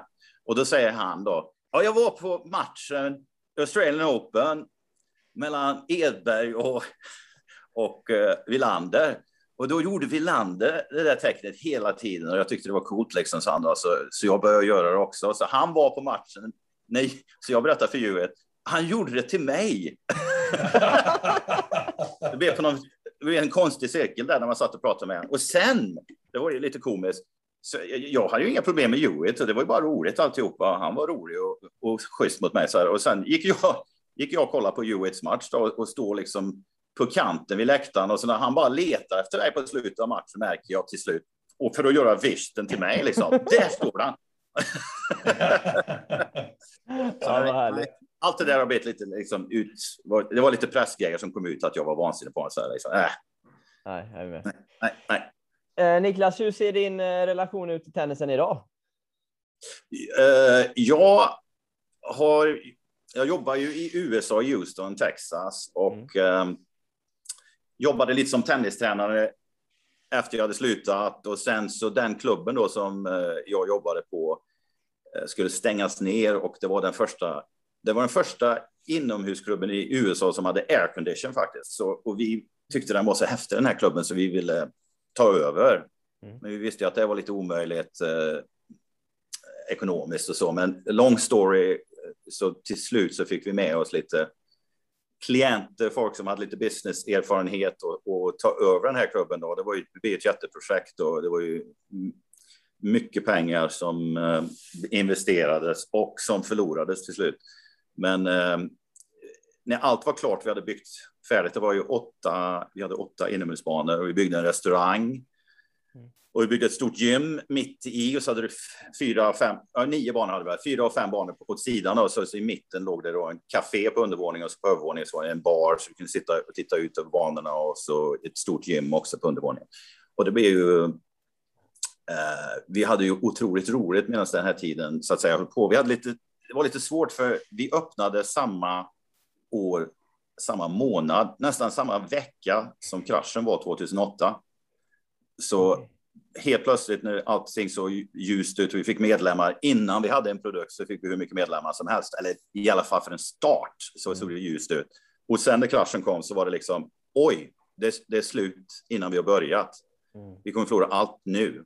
Mm. Och sen de som investerar höll det vid liv länge. Och till slut så var vi ju liksom på, gick vi iväg nästan, nästan plus så att säga. Efter många år. Och till slut då så var det väl en del investerare. Jag vet inte riktigt hur det tog slut faktiskt. Det är fortfarande en liten gåta, men eh, helt plötsligt så hade vi ingen klubb längre. Så jag vet inte riktigt vad som hände där. Men under de här åren så hade vi ju helt otroligt kul. Jag menar, jag och min fru går runt och designar varenda grej på hela klubben. Det var ju både kul och uttråkigt när man avslutar. Man har varit ute varenda dag i ett halvår och letat möbler och färger och min fru kommer med en påse där och en påse där när vi går in. Hon har 20 olika material och så är vi på sista, jag kommer ihåg sista stället när jag bara liksom pekar och säger den köper vi. Det är ungefär som en grabbar gör. Jag går in i affären, ja, vi tar dem. Så går vi in och så ska vi köpa en fåtölj. Och så jag bara går in, jag är hur trött som helst. så Ja, den tar vi, sa jag till henne. Och så säger hon, ja, den ser ganska bra ut. Eh, Jag kommer tillbaka och så kommer hon tillbaka med de här 20 olika färger och alla golvet och väggarna och listerna och lamporna. Ja, men du ser du väl att inte den här passar, den här fåtöljen? Ja, ja, ja, jag ser det nu, sa jag, men orkar inte längre. Men det var ju jättekul att göra en sån grej och erfarenheten. Jag hade ju noll businesserfarenhet. Aha, aha. Jag har ingen koll på någonting, så man fick ju lära sig mycket. Mm. Men jag försökte väl att göra det som jag tyckte var bra på, vilket vi redan har pratat om, om att ha kul. Så Mm. min grej blir ju mest att vara trevlig mot, mot alla som är på klubben och, och prata med dem mycket och sen ha världens bästa events. Och det är jag helt över, ja, utan tvekan så hade vi de roligaste eventsen tror jag som någonsin har varit. Det är helt otroligt. En del, en del grejer som hände alltså. Eh, Det tvekar jag inte på. Så, ja, så men det var mycket roligt. Vi, vi, hade, vi designade ju allting så man kunde göra lite drömmen då. Så jag, detta går ju tillbaka till, till Gusten också. Jag hade ju alltid en liten dröm när jag var yng, liten att göra videofilmer eller reklamfilm. Det var en grej om mina föräldrar skulle säga, "Ja, vad skulle du vilja göra liksom? Och vill göra reklamfilmer och, och lite musik och sådana grejer. Det var ju en grej som jag hade. Så under den tiden då så kunde jag designa och så vi hade en, en stor tv ja, som var insänkt i väggen med en sån eh, pro, projektor då. Så, så vi hade ju massa events där och jag gjorde ju videos efter video. Det började med, det var ju ungefär som min träning för framtiden om jag nu ska fortsätta och göra, gå mot drömmen om kanske vad intresset är, som vi också har pratat om. Vad är din dröm egentligen och vad vill du göra? Och det var ju inombordsmöjligt att, att hålla på med så här, vara kreativ. Så det började med, den, min första film då var, eh, jag filmade alla som, var, som vi jobbade på vår klubb, det var drygt 50 anställda hade vi väl. Och alla fick göra olika grejer Fast jag sa inte vad som skulle hända. Jag bara sa gör så här och gör så här. Och de var ju liksom, va, vad är det här då? Och så blev det till slut eh, en Michael Jackson-video. Och jag var, jag var Michael Jackson i öppningen. Och när jag satte på den, det var alltså våran fest då för våra staff. Då måste ju de ha tänkt, det här är det häftigaste stället att jobba på någonsin. De bara skrek när jag kom gående som Michael Jackson. Jag visade bara fötterna, för annars var det omöjligt. Jag var fet. Men jag visade bara fötterna och så hade jag lite software. Så det såg ut som mig. Och så då alla som jobbade där dansade i videon, fast en del visste ju om att de dansade, men vissa eh, visste inte riktigt om vad de gjorde, men det, jag fixade, mixade då så att det blev en dans. Och de, de älskar ju detta, så det, det var ju Sen var ju de klara sen, liksom kommer jag aldrig lämna det här jobbet efter, efter den kvällen. Det var introduktionen där för dem, liksom. Här, nu är det lek som gäller och kul. Så, och sen, Ja, fortsatte, sen fortsatte det, bla bla bla. Sen höll jag på med det hela tiden, träna i stort sett Okej. På folk som på klubben, så varje turnering hade alltid en tema och så gjorde jag en film eller fo- foton från föregående turnering på nästa turnering, så alla ville se den nya videon varje Ah. gång. Ah, Vilket ibland kunde den vara liksom lite mesig och det var bara foton från turneringen då gången innan. Men oftast var det ju mycket annat som kom in i bilden. ja, coolt alltså. Ja, läckra stories. Eh, Gusten, har du något mer där som du skulle undrar över? Nej, det är det inte, utan eh, du, vi har nog fått med allting. Du kommer ju ställa några snabba och eh, jag, kan, jag kan väl börja med någon snabb fråga då. Kör du. Eh, Vad, vad föredrar du, juniortouren eller seniortouren? Junior, när det är som juniorålder eller seniorålder? Men Menar du liksom att spela den eller menar du? Nej, som du upplevde det. Om du kommer ihåg, om du backar bandet, vad var roligast? Senioråldern eller junioråldern? Ja, junioråldern Varför då? är, är svaret. Ja, men, Varför då? Jo, men jag kommer ihåg så mycket. Eh, liksom alla minnen är ju startade, startade ju i junioråldern och sen fortsätter givetvis än till idag. Men det blir ju, på något vis så känns det ju som att det blir mindre och mindre minnen. Vi går ju alltid tillbaka i tiden när vi pratar om det som var kul. Nu är man ju, har man ju blivit tråkigare. jag, jag- tänkte bara, det, det du pratade om lite tidigare där också, eh, just det här med att, eh, vikten av att ha kul. Liksom, fanns det liksom träningspass som du liksom krigade igenom som inte var så roliga också? Eller var det alltid kul? Liksom? Ja, Jag, jag, man kommer ju inte dit man kommer om man inte tränar. Det, är liksom, det säger sig självt, givetvis. Vissa, vissa gånger så tränar jag liksom stenhårt på tennisbanan, speciellt. För jag tyckte det var kul. Och speciellt när du får lite självförtroende och du, blir, du får lite framgång så blir ju det lite mycket enklare, så att säga. Ja, Så givetvis har jag varit het och tränat hårt. Ja. Då och då. eh, vilken skulle du säga är den största lärdomen som liksom idrotten tennis har gett dig genom åren? Ja, största. Ja, lite svårt. Jag tror det eh, liksom bara experience of life, alltså som du har gett den. Allting, hur du ska vara mot andra, liksom hur du vill bete dig. Jag är lite så här snäll av mig och inte rakt i facet på många sådär, men jag, så man, man, jag tycker man bara lär sig att vara en bra sportperson. Jag, jag kan inte säga att jag har fuskat någon gång och liksom på mening eller varit otrevlig mot någon. Eh, så mestadels bara lära sig. Jag menar, om du, om du tar när man väl börjar spela professionellt så kan man ju säga att, att jag lärde mig att växa upp fort. Mm. Så fort du börjar flyga och göra de här grejerna och ska sköta ekonomi och allt det här, då, då går ju allting fort. Du måste ju liksom växa upp. Jag träffade Roger Federer första gången 18 år och Lunkan säger att alla säger att han ska bli bra. Och han är hur bra som helst. Jag träffar honom och säger men den här killen är ju helt bedrövlig. Han kommer aldrig bli bra i tennis. Och så Lunka bara nej, nej, nej, men du måste gärna spela tennis först. Och så ser jag han spela tennis och så säger jag va? Kjell Johansson spelar, spelar tennis? Och så, så jag går fram till Roggan och säger du är Kjell Johansson. Va? Jag ska kalla dig Kjell från och med nu. Vadå, säger han.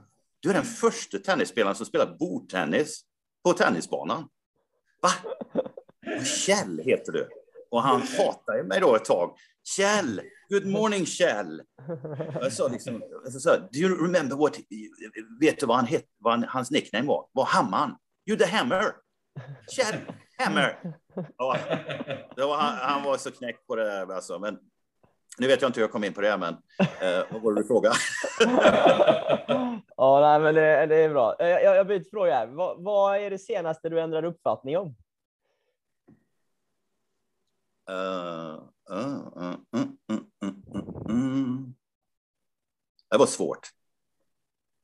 Jag började tänka på någon film här som, jag, som kanske inte var så dålig som den var. jag trodde. Eh, det- det måste jag tänka på. Gusten har väl ett bra svar. Jag har inga bra svar. ja, det är bra. Eh, vi, vi. Ah, jag kan ju säga så här. Längtan efter Sverige ja. kan jag säga. Men den har ju mer kommit. Det är inte så att jag ändrat uppfattning. Men en sån sak som, eh, det är, det är inte rätt, för jag har inte aldrig haft eh, negativt på något vis. Men det var, det var inte rätt svar. Men, men det är någonting som har hänt när man blivit äldre.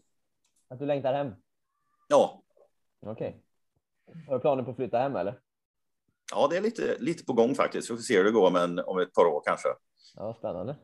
Ja. Läckert. Sista frågan här. Skulle du vilja rekommendera någonting?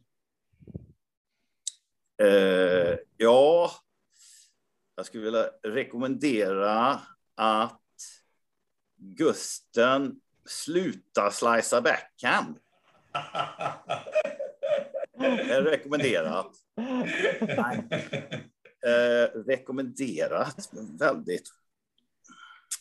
Eh, ja, jag kan ju rekommendera att ni ska gå och kolla på Indiana Jones. Kommer ju snart ut igen. Eh, jag kan också eh, rekommendera, det var väldigt, det, det känns ju lätt som en jättelätt fråga, men um, nej, Nej, se Indiana Jones. Men, men jag, jag, kan, jag kan ställa en fråga till Gusten här. Ja. Jag ska bara se, bara, jag vill bara lite eh, curious här vad han säger. Om, om du fick gå ut och käka eller träffa fyra tennisspelare som du liksom, gud, och få gå ut och käka middag eller bara hänga med dem eller vara med dem eller på något vis träffa dem.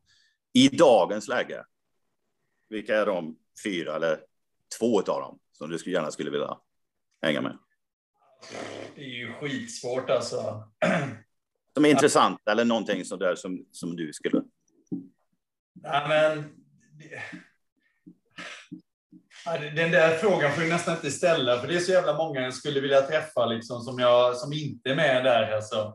Jag kan ju bara räkna upp lite namn. Jag tycker det var roligast att hänga med svenskar, det tycker jag ju fortfarande. Då. Eh, så att eh, det skulle bli svenskar i så fall. Ja. Eh, där man, man snackar mycket idrott, mycket tennis, men mycket liksom gamla minnen, för det är ju alltid det som är roligast. Jag menar, de, de som Krille och, och, och Stefan Svensson och Lasse och Appell och alla de, de träffar jag liksom så ofta. Liksom, så att de tycker jag är skitkul att träffa. Liksom. De har jag inte träffat på länge. Liksom, som, Men om du, om du är på touren så att säga nu, utav de professionella tennisspelarna, vad skulle vara intressant? Jaha, de som är nu på touren? Ja, intressant. Ja, men, ja, ja, men Murray skulle jag vilja träffa. Murray, okej. träffa eh, Federer också. Jag har ju träffat honom. Liksom, men Ja. han är ju, de få gånger man träffar honom, han är ju otroligt eh, intressant att prata med. Och han, han är ju en sån här person som är bra på allt. Han är ju helt sjuk på allting. Alltså. Han lär Ja. sig en gång allting. Han tycker jag är... Fixar du honom till podden, eh, Magnus? Vad sa du? Att? Fixar du honom Han till får ju podden? fixa till podd, ja. Han kan säkert snacka svenska om vi ger honom två dagar. Också. Det vet jag. han Det på vet jag svenska, starkt. va? Säkert. Han sa- Eh, Ja. Två, till, två till som eh, skulle vara intressanta att prata med. Eh, no. Ja, jag kommer...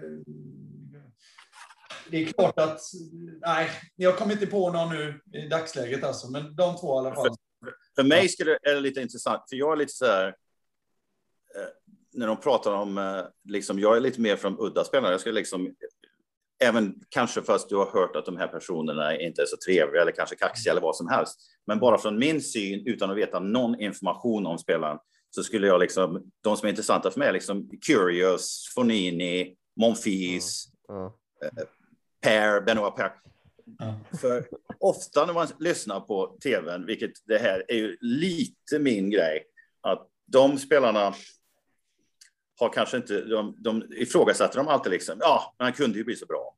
Ja, Eh, den är liksom, ja, men han beter sig så illa, eller liksom curious, han hatar tennis, liksom, vad är det med, vad är det med de här personerna? Men det skulle vara intressant, tycker jag, och verkligen att de studerar de personerna lite mer och ifrågasätter, vad är det som har hänt att de går sin kanske sina egna vägar, kanske eh, vad de nu gör, arga på banan eller tycker inte tennis är så roligt och de kanske utstrålar kaxighet och som Monfils är väl inte rätt där. Han är ju det är bara entertainment, liksom entertainment. Och, eh, men men de är ju intressanta för mig, även kanske nu när du kanske vet lite grann att kanske inte är världens trevligaste personer, så här, men, men det är intressant att få lära sig om deras bakgrund. Skulle Mm. jag reda på. Vad hände med dem? Liksom, hur växte de upp? Vad är det som har fått dem att bli annorlunda på något vis? Och kanske då, som alla ofta ger dem lite skit för, att Mm. ja, de kommer ju aldrig, de, de uppnår inte sin maxpotential så att säga. Mm. Men har de intresse av det och varför har de inte det intresset? Tycker jag skulle vara kul. Och, Ja. eh, och, och få lite mer information om hur, Har du aldrig varit sugen på att coacha en eh, spelare med någon sån form av personlighet? Eh, jo, det hade jag. Ja, jag hade ju. Ja, alla dem skulle jag vilja coacha. Eller kanske inte. Eller kanske inte. men eh, jag, jag, har, jag har ju bara haft en. Jag har ju coachat många spelare så att säga college som går till college, och så här, men jag har inte varit på touren. Liksom, det är inte en möjlighet att jag skulle ut och åka. Men en gång då när Federer, när jag träffade Federer och introducerade till honom, eh, när jag kallar honom för Kjell Johansson, då när han lämnade här då, han var ju bara 18 eller 19 då och eh, jag skrev ju för övrigt ett kontrakt med honom att han skulle bli etta i världen och jag sa att han skulle vinna 17 Grand Slams och jag har det. Jag har kontraktet kvar med hans bild, fast han glömde att skriva 17 Grand Slams. Han, han sa vart ska jag skriva det? Och så sa han på svenska din. Han var så irriterad att han skulle skriva på skriva det här. Bla bla bla. Han åkte i alla fall och när han åkte så säger jag till honom, du, Eh, eh, för då gillar jag honom verkligen och han, eh, det, det kändes ju som han växte upp liksom på den veckan och det gick ju fort efter det. Eftersom han blev så bra och var tvungen att göra intervjuer och han ändrade sig fort. Men, men i alla fall, då, då sa jag till honom att du, jag vet att det här är omöjligt. Jag skulle vilja coacha en spelare som dig. Eller någon liksom, måste vara topp 10 eller som dig. Som liksom är på, på väg till topp 10 och är där snart. Det skulle vara kul alltså. Kan inte du fixa det? Liksom, jag vet att jag måste ut på touren och folk ska lära känna mig, men jag orkar inte.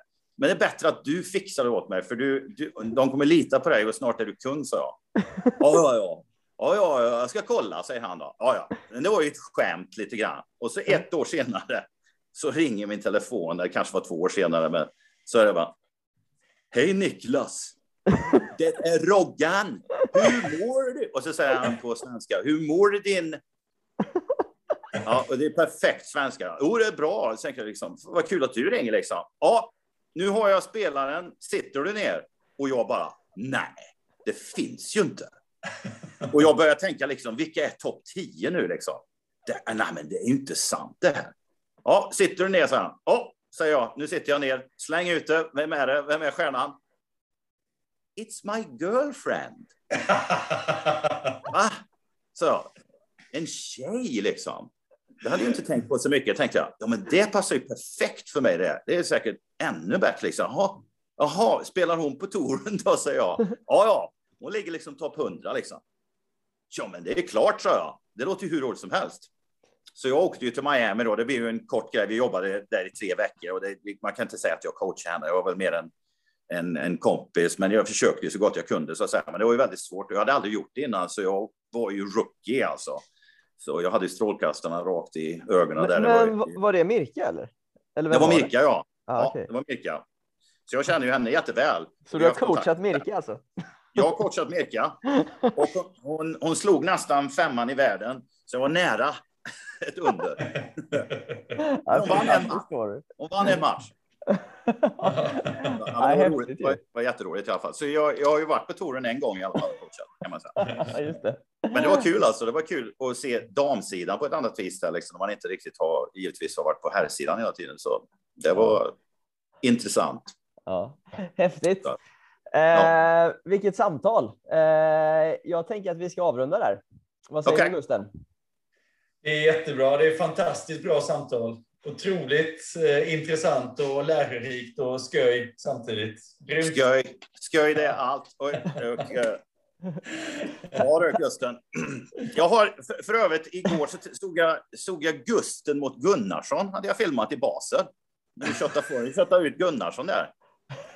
O, otroligt. Jag har nästan hela matchen. Jag bara satt där och filmade Gusten. Gusten måste man ha med på film. Det är klassiker det här. Men det Eh, var inga, inga otroliga komiska grejer som hände. Det var lite knäckande. Man sitter och tittar på den och tänker man, varför filmar jag så länge? Det måste hända något otroligt här. Och så gjorde, gjorde det inte det mer än att du vann. Det, men det var ju inte otroligt. Men, eh, mö- vi möttes i basen, jag, jag och Janne där. Alltså. ja, precis. Jag satt bakom och filmat jättemycket. Liksom. Bara filmat, filmat, filmat. Jag bara sitter här och filmar. Så vissa grejer, vissa sådana här band som jag filmar satt jag i och så bara filmar jag över ibland. Du vet. Mats, jag har Mats när han imiterar massa tennisspelare och så helt plötsligt, fast det inte var, man fick inte det, det var ju secret det här, så är jag på bussen på innebandytouren och filmar. Det var ju, det var ju förbjudet. Jag har, jag har två minuter film från innebandytouren på bussen. Två minuter. Det,